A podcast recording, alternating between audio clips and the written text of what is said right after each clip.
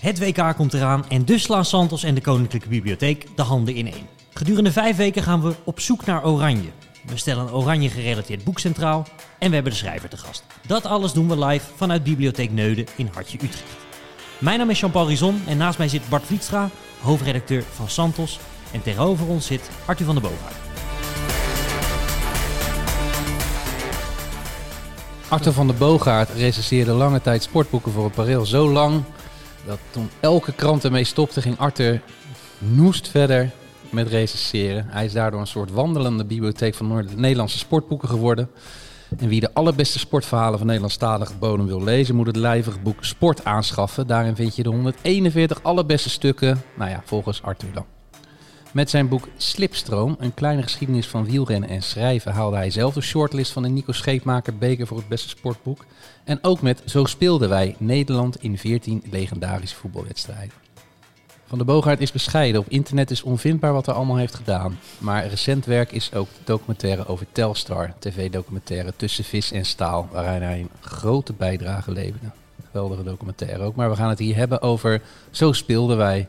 Een waardig sluitstuk, vind ik dan, van deze podcastrace. Hierin beschrijft Van der Boogaard 14 scharnierwedstrijden uit de geschiedenis van het Nederlands elftal. Dus we gaan nog even door de hele geschiedenis heen.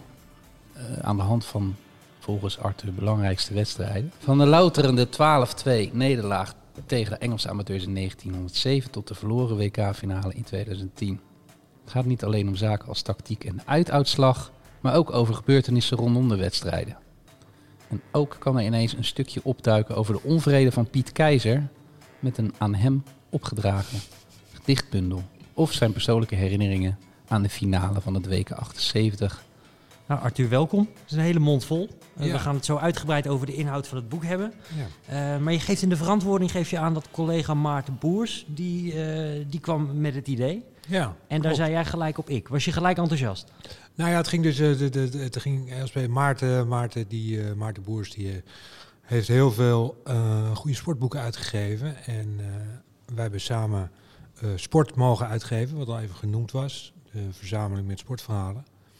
En eh, soms drinken wij een kop koffie en dan zegt Maarten van, nou heb je nog iemand gezien die een beetje goed kan schrijven? En dan, nou ja, zo praten we dan. En in dit geval liet hij een Engels boek zien en dat was eh, The Anatomy of Britain. Ik denk dat ik het net niet goed zeg. Eh, van ehm, The, Jonathan Anatom- Wilson? The Anatomy of, of England. Of Engeland, inderdaad. Sorry, dat was dan weer zeg maar een, eh, een grap met The Anatomy of Britain. Want dat is een heel klassiek boek. En dat verklaart eh, de Engelse maatschappij. En deze man eh, die had een eh, prachtig mooi boek geschreven... waarin hij tien sleutelwedstrijden uit het Engelse voetbal nam. En op die manier eigenlijk een soort geschiedenis schreef. En ik keek ernaar. En Maarten vroeg aan mij, wie moet dat doen in Nederland? En toen zei ik eigenlijk meteen ik. Maar had hij zelf nog niet aan jou gedacht? Of was het een eh, stiekem voorzetje, een soort retorische vraag? Eh, nee, volgens mij had hij echt niet aan mij gedacht. Als ik het terug. Nee, nee volgens mij niet. Hm. Nee. nee, het was ook gewoon een gesprek die we, wat we wel vaker hebben. En, eh, Dus toen kon ik hij zeg ook ook niet nee tegen een boek. ja. Als hij wel aan me denkt. Ja. Dus ja, zo gaan de dingen gewoon. Dus nee, maar ja, het leek mij, eh, het leek mij verrassend leuk. Ook omdat het een reden was om eh eens echt helemaal te verdiepen in het Nederlands voetbal. Wilde hij een beetje het definitieve boek over de geschiedenis van het Nederlandse voetbal schrijven? Is dat Nee. een beetje de opzet? Nee, ik wilde eh, eh, een kleine geschiedenis schrijven. Maar dat neem ik dan wel altijd eh, serieus. Dus ga ik heel veel lezen, lezen, lezen, lezen. En ehm, ja, dan, dan probeer ik daar wel een soort idee aan toe te voegen. Nou, is dit een boek waar eh, wat een beetje... Je zou het een rijk boek kunnen noemen. Was Het komt, het komt eh, de, de, de, de ideeën die eh, buitelen over elkaar heen. Maar ik denk, ik heb het nog wel even teruggelezen. En ik denk het belangrijkste wat ik eigenlijk wilde doen, is iets meer historisch besef in, in- bij de Nederlandse voetballiefhebber als, als ze het hebben over het Nederlandse voetbal. Ik denk dat, dat ik dat eigenlijk wel wilde. En dat je dan dus minder eh, onzin uitspraken krijgt. Ja, want wat op zich wel grappig, toen ik het boek in handen kreeg, eh, op zich een fantastische foto natuurlijk uit de WK-finale van 2010, met alle usual suspects. En ik had daar ook, dat, dat was mijn beeld van het boek ook, dat we ook veel meer van dat soort hele grote bekende wedstrijden zouden krijgen. Eh, en dat valt eigenlijk wel mee, want we beginnen in 1907 beginnen we in Darlington in Engeland. Nou, dat, eh, dat moest ik echt even opzoeken waar het lag. Hoe kom je tot zo'n tot zo'n selectie? Nou, allereerst vond ik het heel belangrijk dat er, dat er veel meer verloren moest worden in het boek dan gewonnen. Dus eh, als je gaat kijken, er wordt verrassend weinig gewonnen in het boek. En dat, ja, wij, wij zijn, we zijn ook wel weer tien jaar verder. En er is sinds die tijd veel gewonnen door het Nederlands elftal. Er wordt ook veel meer wedstrijden gespeeld. Maar ja, weet je, een, een belangrijk scharnierpunt in het boek zelf is 1963. Tot 1963 was het gewoon niet zo heel veel. Buiten de jaren 20, waar we het eigenlijk verrassend goed deden. Nou ja, dus als je, dit, als je deze zin daar een soort, soort ver- verbeelding van wil hebben, dan moet je op zoek naar wedstrijden die heel erg lang geleden zijn. 12-2, dat spreekt tot de verbeelding. Zeg dat. Ook omdat het, eh, ja, ik heb gewoon al die wedstrijden wel een beetje bekeken uit die periode. En wat ik daar opvallend van vond, wa- was de arrogantie die er was bij de Nederlanders, ondanks de 12-2 eh, overwinning. Nederlaag. Dat- twa- nederlaag. Dus, dus er was, ja, weet je, we, we zijn goed bezig. En dat was eigenlijk ook wel logisch, want ze speelden tegen Engeland. En het komt allemaal uit Engeland. Dus als je zo'n boek wil beginnen, het, het- toch de eerste, nou, laten we het eerste 20 jaar, 20, 30 jaar van het Nederlands voetbal, dat is toch vooral Engeland nadoen. Ja. En ook de terminologie, dat is ook allemaal Engelse ter, hè, dat, dat, dat, dat is gewoon, eh, we, we nemen het één op één over. Ehm, en verder heb ik een beetje ervoor gekozen om, eh, dat is een ander idee wat erachter zit, waarvan ik wel betwijfel of dat heel goed overkomt, maar om ook de factor geluk iets groter te maken dan dat veel mensen altijd eh, denken dat bij voetbal is. Door enigszins willekeurig wedstrijden te kiezen, eh, benadruk je dat. Maar eh, aan de ene kant zeg je, je wilde de factor geluk wat, wat, wat, wat groter maken. Anderzijds, wanneer je, en dan zitten we echt aan het eind van het boek al, maar wanneer je terugblikt op de WK-finale en op het WK aan zich, zeg je ook wel van heel veel zaken van, er zit toch veel minder toeval bij dan je dan wellicht denken. Wij zeggen in Nederland van, de teen van Casillas, dat is pech, maar hij maakt zich ook goed breed. Hoe, hoe verhoudt zich dat tot elkaar? Aan de ene kant zeg je, het is wel veel geluk, maar toch Nou, dat- niet. Dat heeft mee te maken, en dat is toch dan eh, het aanvankelijke grote idee, dat historisch besef. Gek genoeg bij, bij voetbal is er wel een soort van historisch besef. Dat is namelijk iets wat wij met z'n allen met ons meedragen. En dat is een soort eh, collectieve emotionele ervaring. En dat is de laatste tien jaar nogmaals, eh, het is allemaal wel veranderd. Maar dat was, dat was eigenlijk hoe de wedstrijd was verlopen. Dus op het moment dat eh, ehm, nou, het bekende 1974. Dat al die mensen, weet je, het was stil op straat en iedereen huilde en het was zo erg en we hadden moeten winnen en we waren veel en veel beter. Ja, op het moment dat je terug gaat kijken naar die wedstrijd, als je gaat analyseren dat Duitsland gewoon een hele goede tactiek had. Als je gaat analyseren dat, dat Nederland, nou ja, eh, in ieder geval de eerste helft met tien man speelde dat Cruijff de slechtste wedstrijd van, van, van het toernooi speelde voor hem. En dat, eh, dat het wel gewoon de Europees kampioen was die, waar je tegen speelde. Ja, dan, als je dan feitelijk een beetje eigenlijk gaat kijken met een, met een misschien een wat objectievere blik, dan is het eigenlijk geen toeval dat eh, Duitsland wint. Ze waren gewoon beter. En de lol is dat dat in 75 ook al bekend was. En daar gaat dan een soort mythevorming overheen. En ik hou heel erg van mythes. Er moeten ook meer mythes komen. Alleen, je moet ook wel af en toe, als je terugkijkt, duidelijk kunnen maken. Nou, daar is een mythe ontstaan. En nou, laten we proberen. Hier laten we de geschiedenis een beetje los. Nou, laten we proberen niet, niet de emotie eh, eh, bij zoiets moois als een voetbalspel de boventoon te laten voeren. Want dat is een ander idee wat erachter zit. En eh, ik zei al, het is nogal rijk aan ideeën. Eh, maar in mijn beleving, dat, dat, dat Nederland nu naar het WK gaat, dat staat niet los van die 12-2 nederlaag tegen de Engelse amateurs. Ik zie voetbal als een, als een spel dat zich ontwikkelt. En ja, dat, daar, daar, dat heeft gewoon bepaalde periodes. En dat reageert op elkaar.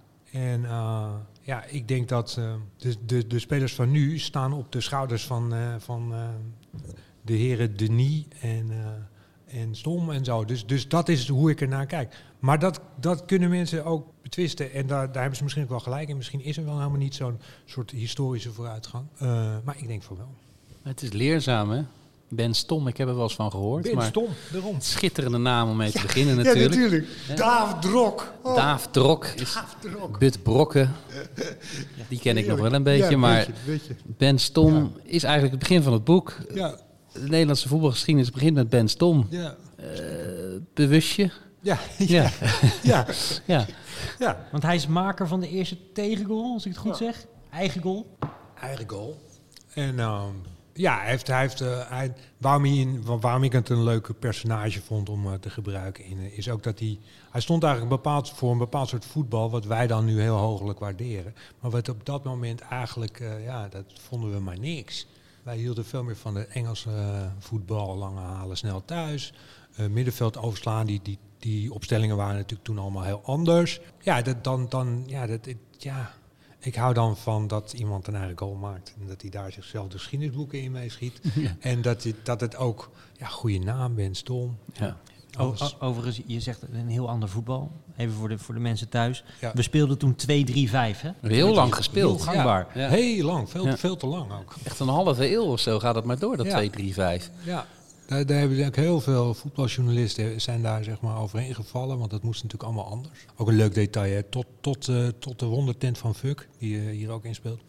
Betekent, bete- betekende trainen van de, van de bondscoach, als je dan in het Nederlandse team zat, dan kwam de bondscoach bij jou langs en die ging dan eh, nou ja, individuele training geven. En dan op de dag van de wedstrijd, dan kwam je voor het eerst samen. Dat was eigenlijk. Bizar, dus hè? gezamenlijke trainingen, dat, dat bestond helemaal niet. Nee. En dat En- was ook niet en- de man die je uit had gekozen. Nee, nee, nee, daarom. Er waren nog andere wijze heren, de keuzecommissies. En eh, ja, die, die, die, die, die beslisten eh, wat de selectie was. Het is zo wonderlijk dat, dat het, het wordt altijd een beetje toegeschreven dat wij naar, we gaan naar Rome toe. We gaan, nou ja, dat, dat, dat wordt 34? toegeschreven aan, ja, aan, aan, eh, aan eh, Lotzi, aan zijn donder speeches. En dat gebeurde inderdaad in de wondertent van Fuck, wat dus een, eh, een oude, wat is het, eh, strandtent was, die, eh, die eh, tezamen met een lichtinstallatie bij Fuck in Den Haag werd neergezet. En door de lichtinstallatie, lichtinstallatie konden ze s'avonds trainen. En daar kwamen ze tezamen en dan moesten ze in die, in die, in die wondertent moesten ze luisteren naar de donderspeechje van Lotzi. Maar dat is een wat ze, wat ze ook deden, voor het eerst gingen ze met elkaar trainen. Dus het is ook niet zo heel gek dat ze dan beter gaan. Dus ik denk dat het, dat het veel meer te maken heeft dat ze voor het eerst met elkaar gingen trainen.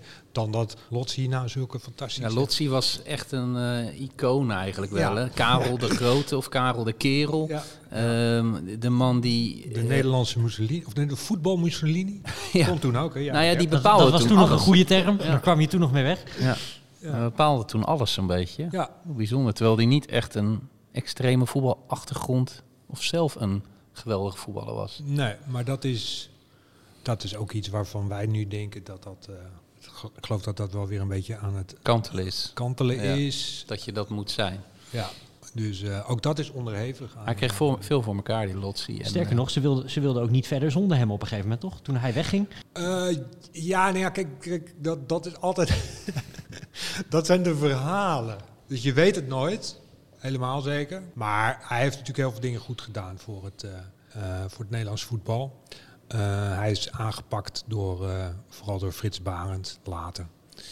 Eh, hij zou fout zijn geweest in de oorlog. Hm. En nou, dat is met een prachtig mooi boek weer rechtgetrokken. Maar vroeger was er de Karel Lotzi-laan in Amsterdam. En die bestaat niet meer, omdat, nou ja, omdat hij toch een soort fout verleden had. En het is nooit helemaal... nou ja, de, er zijn gewoon historici die, die vinden dat dat zo is. En er zijn historici die vinden dat, eh dat Lotzi eh, ook, eh, of eigenlijk allemaal goede dingen heeft gedaan. Nou ja, het, is een, het is een druppel op een heel klein gloeiende plaat. Overigens, je- je- even, dat zei je net, vond ik wel heel interessant. Je vond het heel belangrijk dat er meer verloren zou worden dan gewonnen in het boek. En volgens mij begin je ook echt pas, pas bij hoofdstuk 8 of 8 van de 14. eh, komt er iets positiefs voor. Waar- waarom is dat zo belangrijk voor je? Ik vind dat wel een fascinerende keuze Nou ja, omdat, de- om wat ik zei, is dat als jij enigszins historisch besef hebt, als jij, als jij begrijpt dat het Nederlands elftal vaker verloren heeft dan, dan dan, dan vind je nou ja, dat, ze, dat ze nu weer tijdens het WK, dat vind je dan bijzonderder. En dat vind dan begrijp je volgens mij beter wat, er, aan, wat, er, wat er aan de hand is. Kijk, dit- voor mij, ik ben natuurlijk ook gewoon een kind van mijn tijd en ik probeer dat probeer me daar los van te.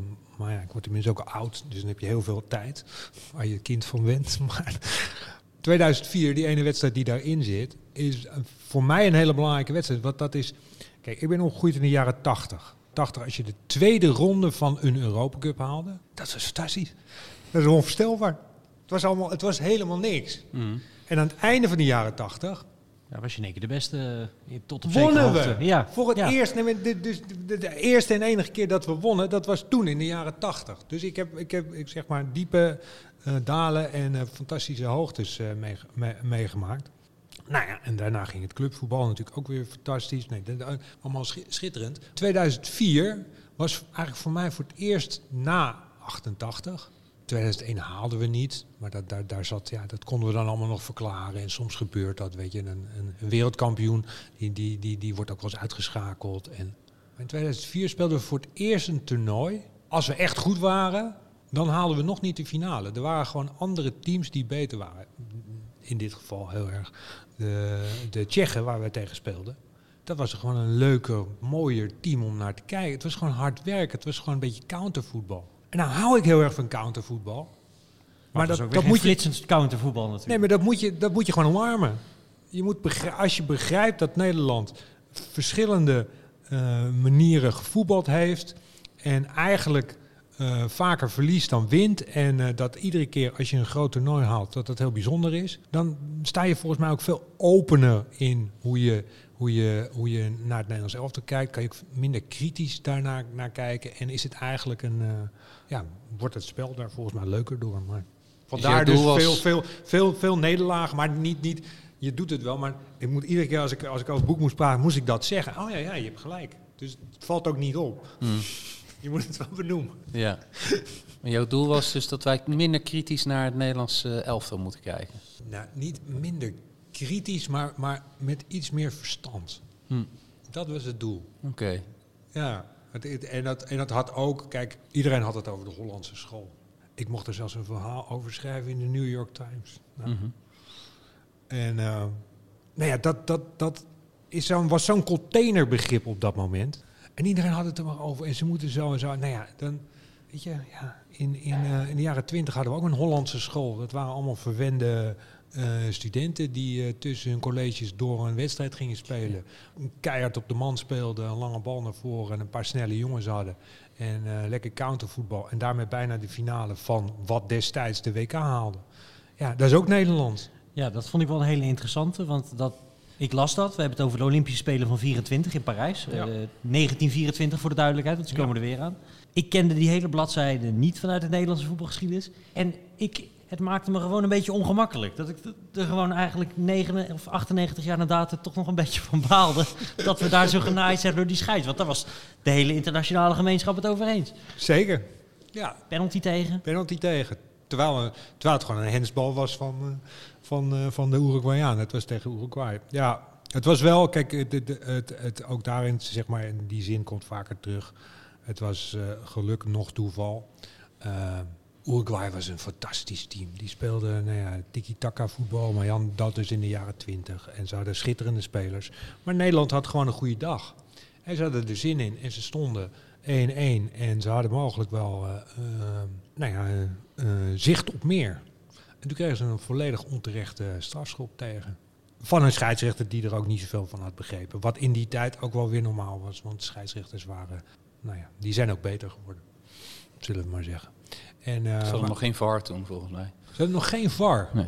Nee, nee maar neem nou even de VAR. Stel, we hadden een VAR in 2010. Dan waren ja. we wereldkampioen geworden. Dat weet ik echt zeker. Ja, dat, laten we het daar zo zeker nog even over hebben. Want wat, er staat inderdaad een moment in het boek uh, wat mij helemaal uh, was ontschoten. En ik heb de finale nooit meer teruggezien. Dus uh, ja, je bent ook zelfs naar Luxemburg gegaan voor het Ja, nee, dat, dat, dat was, is niet, dat dat was is niet, mooi. Dat is niet een, een, een, nee, dat was mooi. een kijk, hele logische bestemming, zou je zeggen. Nee, kijk, ik ben natuurlijk... nee, ik heb onlangs ook een boek over Kruif geschreven. Ik ben opgegroeid met Kruif. Als je in de jaren tachtig uh, geboren, of nee, eigenlijk als je als je je, je, je, je jeugdjaren in de jaren tachtig hebt gehad, dan weet je hoe dat ging. Eh, het stelde allemaal helemaal niets voor. Je had wel verhalen gehoord over dat vroeger, dat het allemaal fantastisch was. En van de ene op de andere dag keerde Johan Cruijff terug in Nederland. En het was echt alsof, alsof, nou ja, alsof de hemel open ging. Het was allemaal anders. En iedere week zat je te kijken en hij deed de meest mooie dingen. En dat viel natuurlijk, als je dat terug gaat kijken, valt het ook allemaal wel mee. Maar in de geest van een kleine jongen. En vooral, hij leerde ons voetballen. Al die zinnen die hij zei, dat was onbegrijpelijk. Behalve als het over voetbal ging. Iedereen begreep het. En echt, nou ja, ik ben een veteraan en ik sta af en toe nog wel met mensen die dat ook allemaal meegemaakt. En wij, eigenlijk tijdens de wedstrijd praten wij altijd nog met Cruijff. Wij, wij, wij, wij, horen gewoon van hem, ja, zo moet je voetballen. En nou ja, dat, dat wilde ik eh, in zo'n boek, als je het over ehm, Nederlands voetbal hebt, wilde ik dat goed duiden. Nou ja, dat zat een beetje in de zin. Voordat Cruijff in het Nederlands elftal was, verloren we thuis van Luxemburg. Die zin, had, 63. ja, die zin had ik heel vaak. Nou, dan wilde ik eens gaan kijken hoe dat dan zat. Nou, het was inderdaad zo. En toen kwam ik die Camille Diemer tegen. Hmm. De, die, en dus ik dacht, nou, die leeft ook nog. Dus die De kan opzoeken. De matchwinner. Eh, nou ja, leuk. Mooi verhaal ook. Aardige man. Hij heeft eh, Indonesisch gekookt voor me. Het was heel leuk om daar, bij hem eh, op audiëntie te mogen gaan. Hij is uiteindelijk ook nog lid van de Europese gemeenschap. was een hele slimme man gewoon. En, maar die dus eigenlijk veel bereikt had in zijn leven, maar in zijn eigen land nog steeds herinnerd werd als de man die twee keer scoorde uit bij, eh, bij eh, eh, Nederland. En dan die laatste zin, wat ik dan interessant vind, hè, want hij had daar ook over nagedacht hoe dat ook toch kwam. En hij dacht dat het er misschien ook wel mee te maken had dat op het moment dat hij het scoorde, was het niet zo bijzonder. Maar in de jaren na 63 werd Nederland steeds belangrijker en steeds meer als een grote voetbalnatie gezien.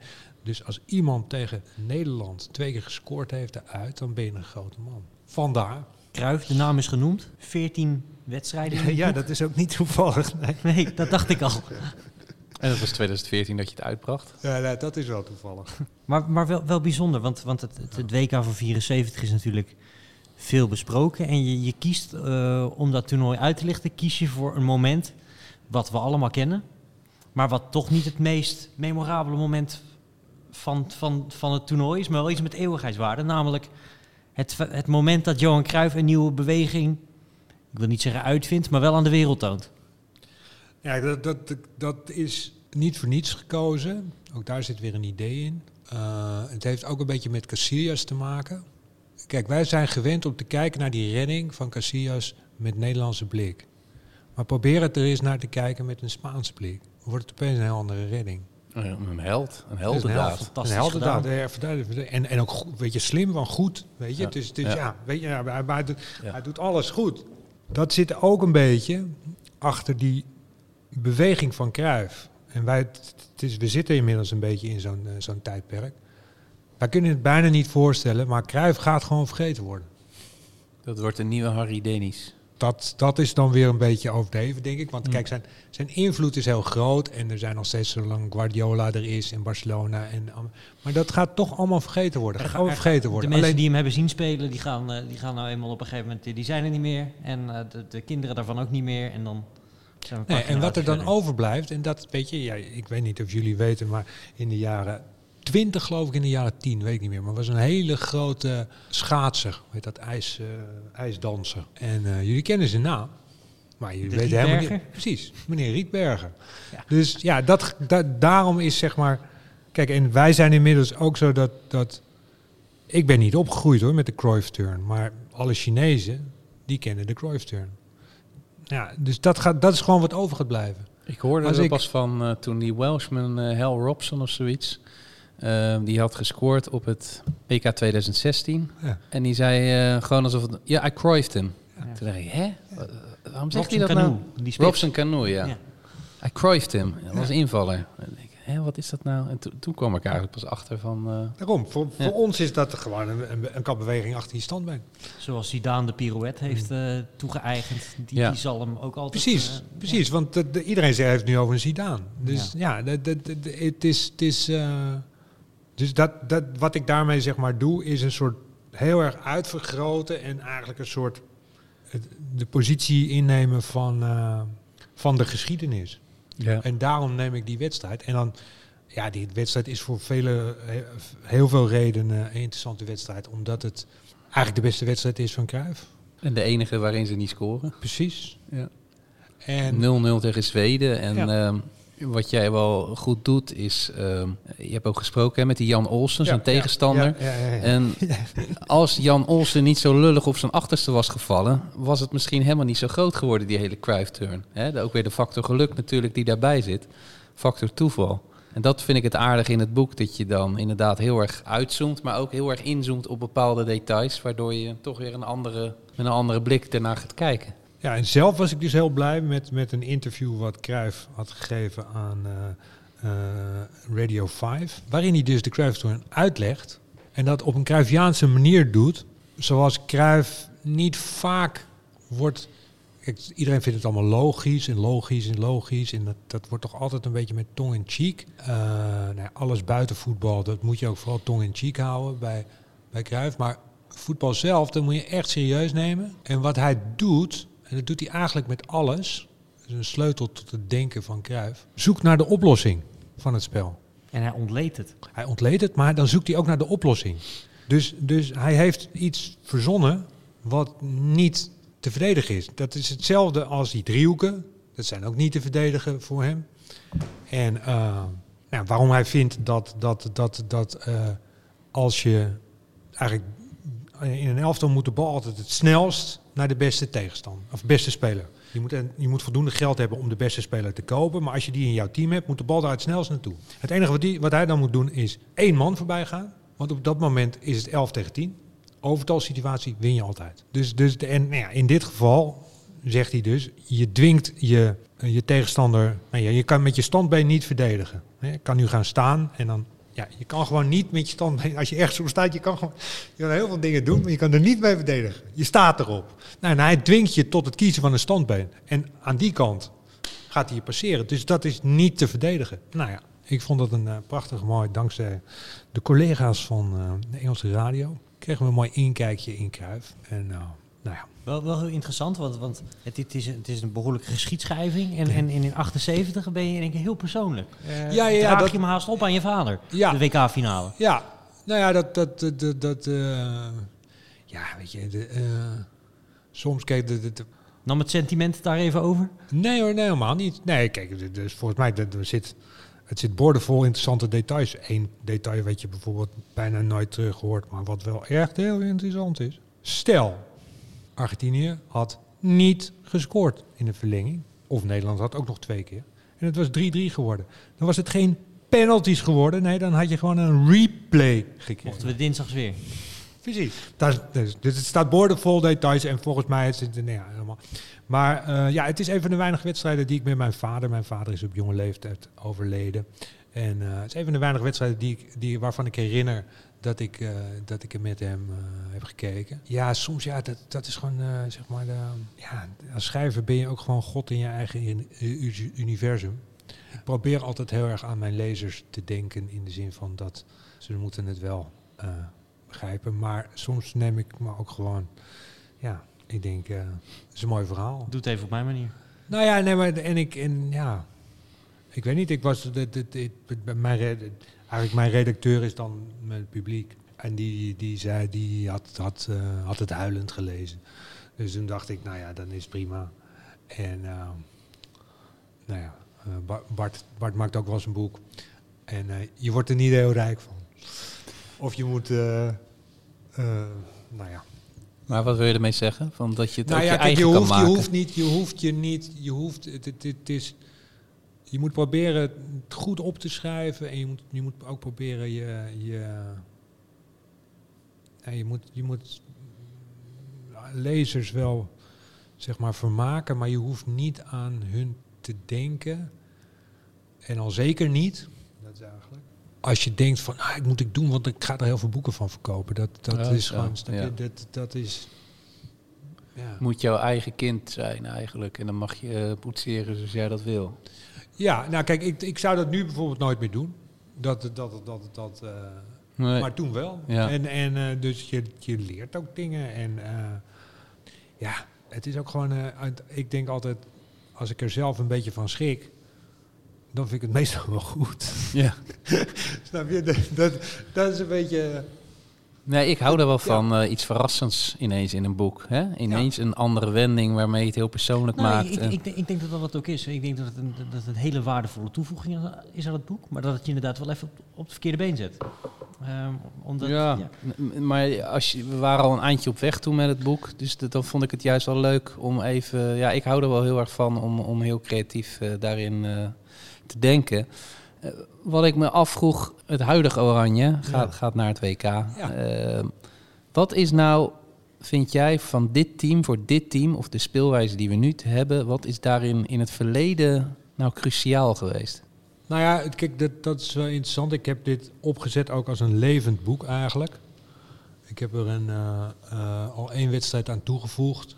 Ik weet niet, er moet wel weer, komt vast zeker wel weer een, ooit een keer een moment dat een uitgever zegt, ja, we gaan het opnieuw uitgeven. En dan komen er allemaal wel weer Misschien wedstrijden als we wereldkampioen worden. Als we wereldkampioen worden, dat zou kunnen. Maar eh, nou, de, de, de, de wedstrijd die ik al hi- hier gewoon bij kan, is eh, kwartfinale volgens mij. Ja, kwartfinale, Nederland-Costa Rica, de wissel van Tim Krul. Hm. We hebben zes uur met hem naar, naar de wedstrijd, eh, of over de wedstrijd zitten praten, alleen over die wedstrijd. Met wie? Met Tim. Heb je al gedaan? Ja, Ja. ja. het staat in. het- je kan het in, Oh, in, eh, de cor- correspondent. correspondent. Ja, Ja, ja. correspondent. Dus dat, is- dat is zeg maar een wedstrijd die daar. En een, een volgende wedstrijd die ik, die ik daar aan, aan, aan, aan toe zou voegen, is denk ik. ja, dat is een goede vraag, want je wil natuurlijk naar nu. Dan denk ik dat het. Weet je wat ik een interessante zou hebben gevonden? ja, ja, vertel. Eh, het moment in eh, Parijs waarop we eigenlijk van onze Hollandse school afstappen.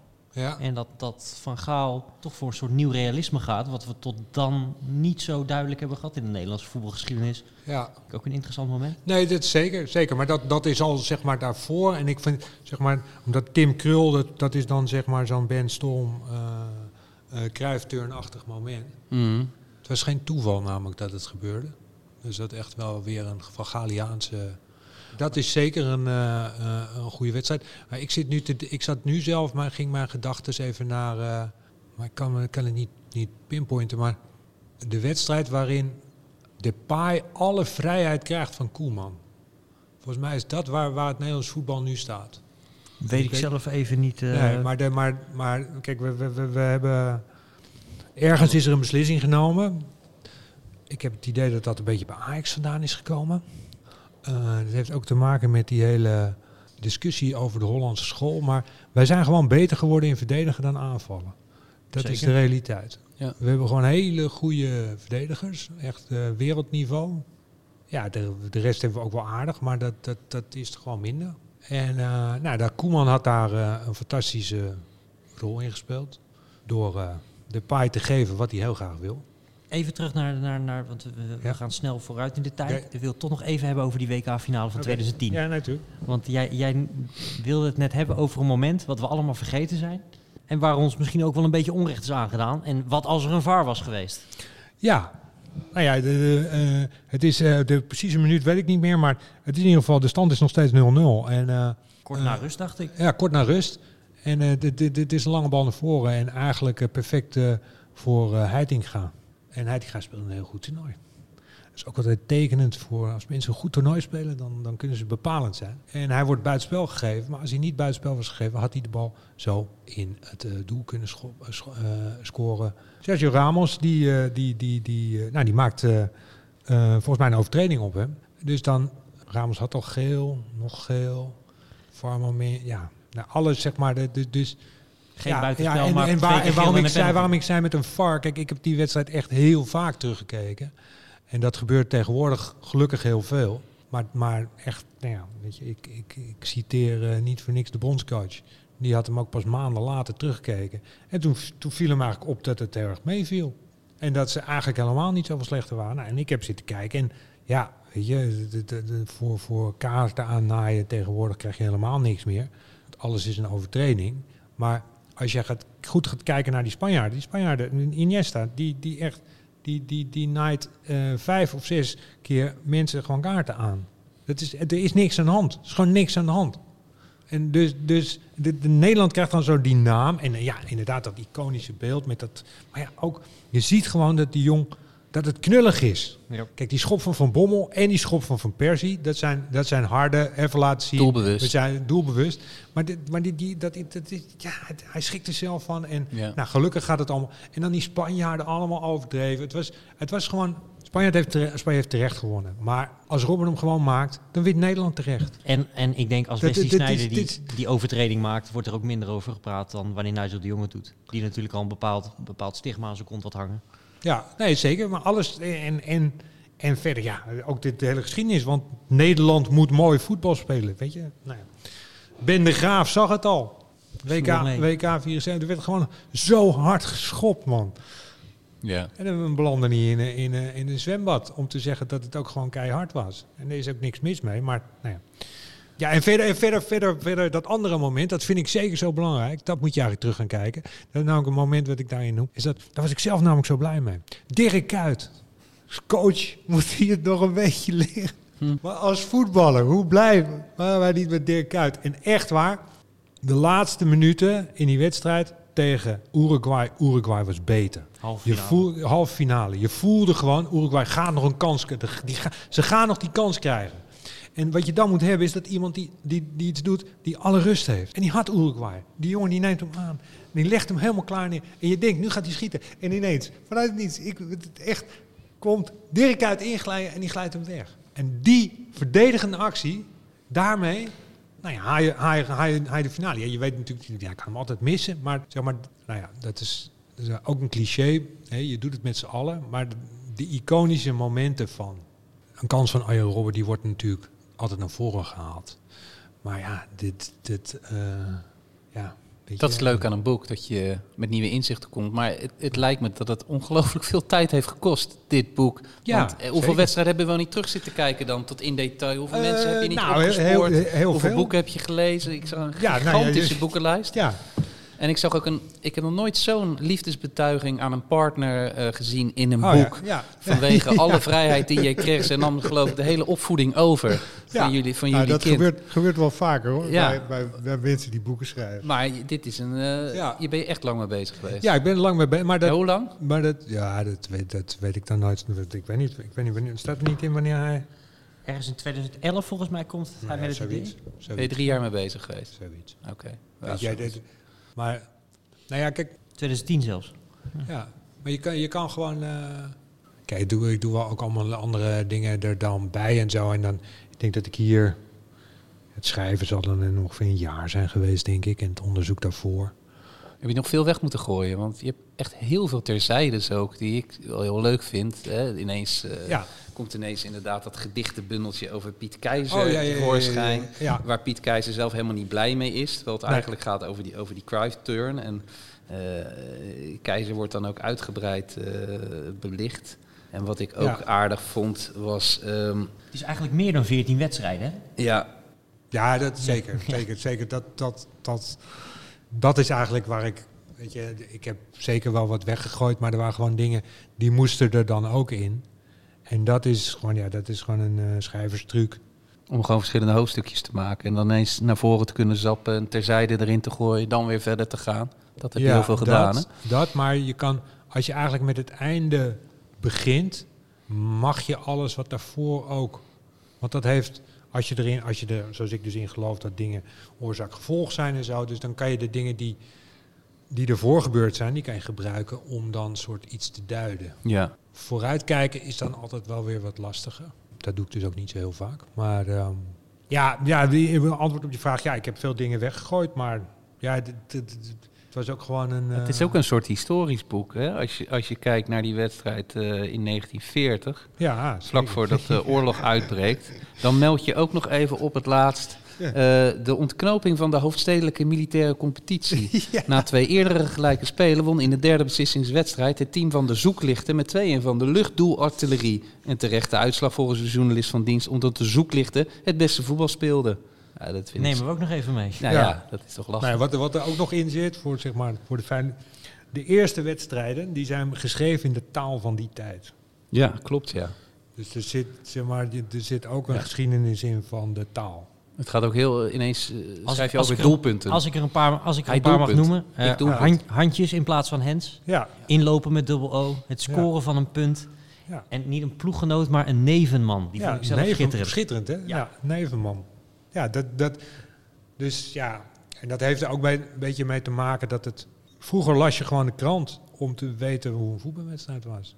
En eh, dus dat was heel uitgebreid, waren echt lange verslagen. En eh, nou ja, dat is dan leuk om dat een beetje terug te laten keren. Ja, in, dat eh, in, Wil ik eh, daaraan toevoegen dat eh, via delver.nl kun je miljoenen kranten uit het verleden terughalen. Precies. En dat heb jij ook gedaan, hoor ik. Ja, joh. En dus vanuit, ja, ook vanuit de vroegste jaren van de 20e eeuw. Ja, absoluut aanraden, denk ik, voor de mensen thuis. Om zelf eens na te lezen hoe er in die tijd over het, over het Nederlands elftal geschreven werd. Zeker, zeker. Dat, ik weet eigenlijk, dit- dat moet volgens mij, de Koninklijke Bibliotheek wordt hier ook weer in, in bedankt. Ik heb daar heel veel tijd doorgebracht, omdat vroeger was nog niet alles online. En dan kon je toch alles bekijken. Kan ik ook aanraden mensen gewoon altijd, als je denkt van nou, wat zal ik eens gaan doen? Ga naar de KB, Heel goed. haal een pa- pasje en, eh, en eh, nou, laat je laafje aan, eh, aan alle mooie dingen die daar te zien zijn. Bijzonder instituut, waar eh, veel aandacht en eh, eigenlijk ook veel meer geld naartoe moet. Heel goed. Waarvan akte. Hey, wat lees je zelf graag? Dat is, eh, ik lees veel ehm, voor mijn werk. Maar als ik, eh, als ik niet voor mijn werk lees, dan lees ik eigenlijk vaak een eh, roman. En dat zijn bijna altijd niet-Nederlandsers. Oké. Noem eens een naam. Nou, wat ik nu net bijna uit heb, en dat kan ik, ja, het is niet heel erg, maar Suzanne Tau- Taubes, denk ik dat het goed is. Scheiden heet het. En het eh, is een beetje een wonderlijk verhaal over een vrouw die gescheiden is. Maar wat mij vooral trok was dat zij in 69, wat mijn geboortejaar is, kwam het boek uit. En kort daarna pleegde ze zelfmoord. En het eerste deel eh, beschrijft ze eigenlijk hoe het is om dood te zijn. Nou denk je, wat gek allemaal zo. Ja, maar ik was daar gewoon geïnteresseerd in. Nou ja, verder, ehm, verder lees ik graag eh, ehm, ook buitenlandse boeken. Ook over sport. Een van de dingen die ik doe is dat ik heb voor Hard Gras een serie. En daarin mag ik door Europa reizen. Praten met eh, schrijvers die in mijn beleving een eh, heel goed voetbalboek hebben geschreven. En dan, schrijven, en dan praten we over eh, het ambacht schrijven. En een van de dingen die mij daar ook altijd opvalt, is dat, het, dat er in Nederland steeds beter over sport wordt geschreven. En dat mag ook wel eens gezegd. Ook Europees in vergelijking met Europa. En wie is je favoriete schrijver? Is er een favoriet te noemen? Een huidige favoriet of Eh, all time? een- een- nou ja, wat, ik, wat voor mij, is altijd lastig, maar wat voor mij wel, als ik, als ik dan iets moet noemen, is dat eh, eh, David Peace, die heeft de 42 dagen van eh, Brian Bri- Clough? Brian Clough. Ja, geweldig. En ehm, ja, wat hij daar doet is, is eh, hij heeft er een roman van gemaakt. Maar hij heeft wel alles gelezen over die man. En hij gaat gewoon in zijn hoofd zitten. En ja, dat, dat is gewoon onmogelijk. Hij was 42 dagen de coach van Leeds United. Wat destijds een eh, fantastisch eh, team was. Maar wat wel vol boeven was. En, En helemaal zijn niet voormalige rivaal. Precies. Ja. En niet, niet, niet op hem, dus ook verfilmd. En nou ja, het is, er- zitten eh, Shakespeare- Spe- Shakespeareaanse clashes in. En hij schrijft het prachtig mooi op. De vorm is mooi. Dus, dus dat zou ik eh, als, eh, als eh, topper noemen. En verder, en dat is dan een uitstapje, het wordt al genoemd. Maar ik kan nog steeds iedereen aanraden. Namelijk uit 1929. Jeetje. Het is niet over voetbal. Te midden der kampioenen. Joris van den Berg. Ik kan het niet vaak genoeg zeggen. Want heel veel mensen hebben het niet voor. gelezen. Komt in het boek voor, ja zeker. Als, als sportschrijver ook. Als sportschrijver, want ja, dat, ook toen hadden dat, dat is ook een klein draadje erin. Hè. We, we- Frits Barend die eh, raadde advocaat aan om Wim van Hanegem als assistent te nemen. Het zijn altijd toch sportjournalisten hebben veel grotere invloed dan, eh, dan menigeen eh, denkt. En dat was in, in de tijd van Joris van Berg ook jaren 30. Maar dat, ja, het is een prachtig mooi boek. Ga het lezen. Het, is ehm, nou ja, een van de eerste boeken waarin nou ook de, de, de, de, de mentale kant van de sport wordt belicht. En hij schrijft het vooral heel erg mooi op. Nou, op zich, eh, als ik dan mag afsluiten met een citaat, want eh, hoor hier vaak eh, nieuwe tips over bepaalde boeken. Maar als ik van één iemand geneigd ben om het te geloven, Bart, is dat wel Arthur. Want Michiel de Hoog van de correspondent, die ik ook erg hoog heb zitten, die zegt over Arthur: als er iemand blijkt te zijn in Nederland met meer kennis over sportboeken en literatuur dan Arthur van der Boogaard, dan eet ik Arthurs bloemlezing over sportboeken, getiteld Sport, nog diezelfde week op. En het is 1200 pagina's. Dus Ja. Flinke kluif. Kan je nagaan. Eh, Arthur, bedankt. Fijn dat je er was. ja, dank jullie wel. Ehm, dit was de laatste in Dat deze reeks Op zoek naar Oranje. Een gezamenlijke productie van Santos Voetbalplanet en de Koninklijke Bibliotheek. Ehm, zo speelden wij is te leen bij tal van bibliotheken in het land. En kijk voor de actuele beschikbaarheid op www.onlinebibliotheek.nl. Waar je, zoals Arthur al zei, je als lid van de bibliotheek ook duizenden e-books en luisterboeken kunt vinden.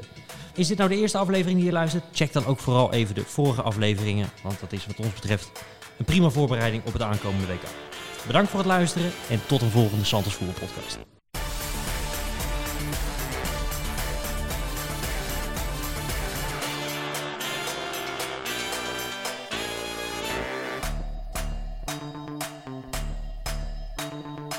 Dat is in principe ook de, de, de insteek van dit hele gebeuren. Dat we een beetje met elkaar gaan zitten kletsen. Dus dat ja. zou op zich prettig zijn. En niet al te braaf, toch? Dat is ook het idee.